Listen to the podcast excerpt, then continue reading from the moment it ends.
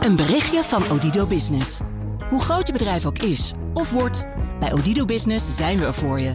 Met unlimited data en bellen en met supersnel en stabiel zakelijk internet. Ook via glasvezel. Ontdek wat er allemaal kan op odido.nl/slash business. Het kan ook zo.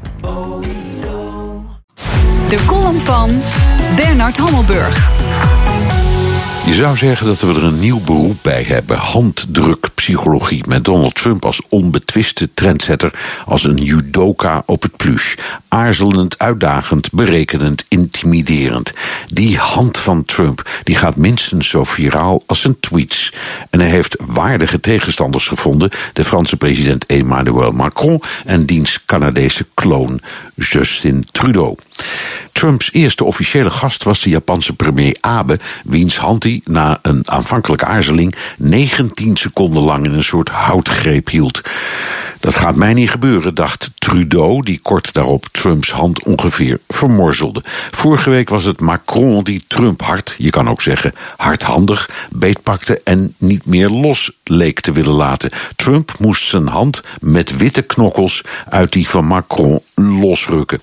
Macron gaf het in een interview ruiterlijk toe: het was het moment van de waarheid. Macron had de smaak te pakken en liet er bij het verwelkomen van zijn Russische collega, de zwarte bander Vladimir Poetin in Versailles, geen twijfel aan bestaan wie de baas was. Psychologen waren euforisch en kwamen met diepgaande analyses over de machtspolitiek van de handdruk. Het gaat allemaal om dominantie. Nu is de handdruk letterlijk zo oud als de weg naar Rome. De gewoonte ontstond om elkaar te laten zien ongewapend te zijn. Ook de moderne geschiedenis zit vol handdruk-psychologische momenten.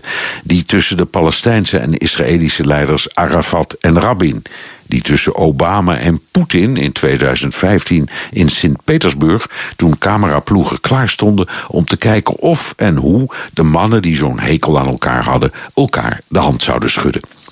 En dan heb je bij officiële ontmoetingen de vraag wie het laatst naar binnen gaat, want, zeggen de handdrukpsychologen, die is de machtigste.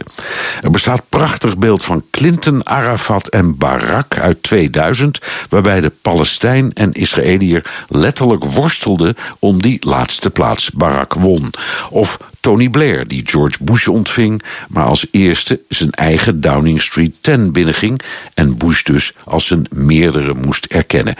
Mooie titel van een YouTube-filmpje: Power Games of the Rich and Famous.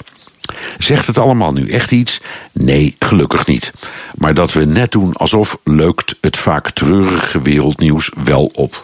In Japan buigen ze liever dan dat ze de hand schudden. Buigen? Dat zie ik Donald Trump niet doen. No way. De column van Bernard Hammelburg eh, is terug te lezen en te luisteren via bnr.nl en de BNR. Een berichtje van Odido Business. Hoe groot je bedrijf ook is of wordt, bij Odido Business zijn we er voor je. Met unlimited data en bellen en met supersnel en stabiel zakelijk internet. Ook via glasvezel. Ontdek wat er allemaal kan op odido.nl/slash business. Het kan ook zo.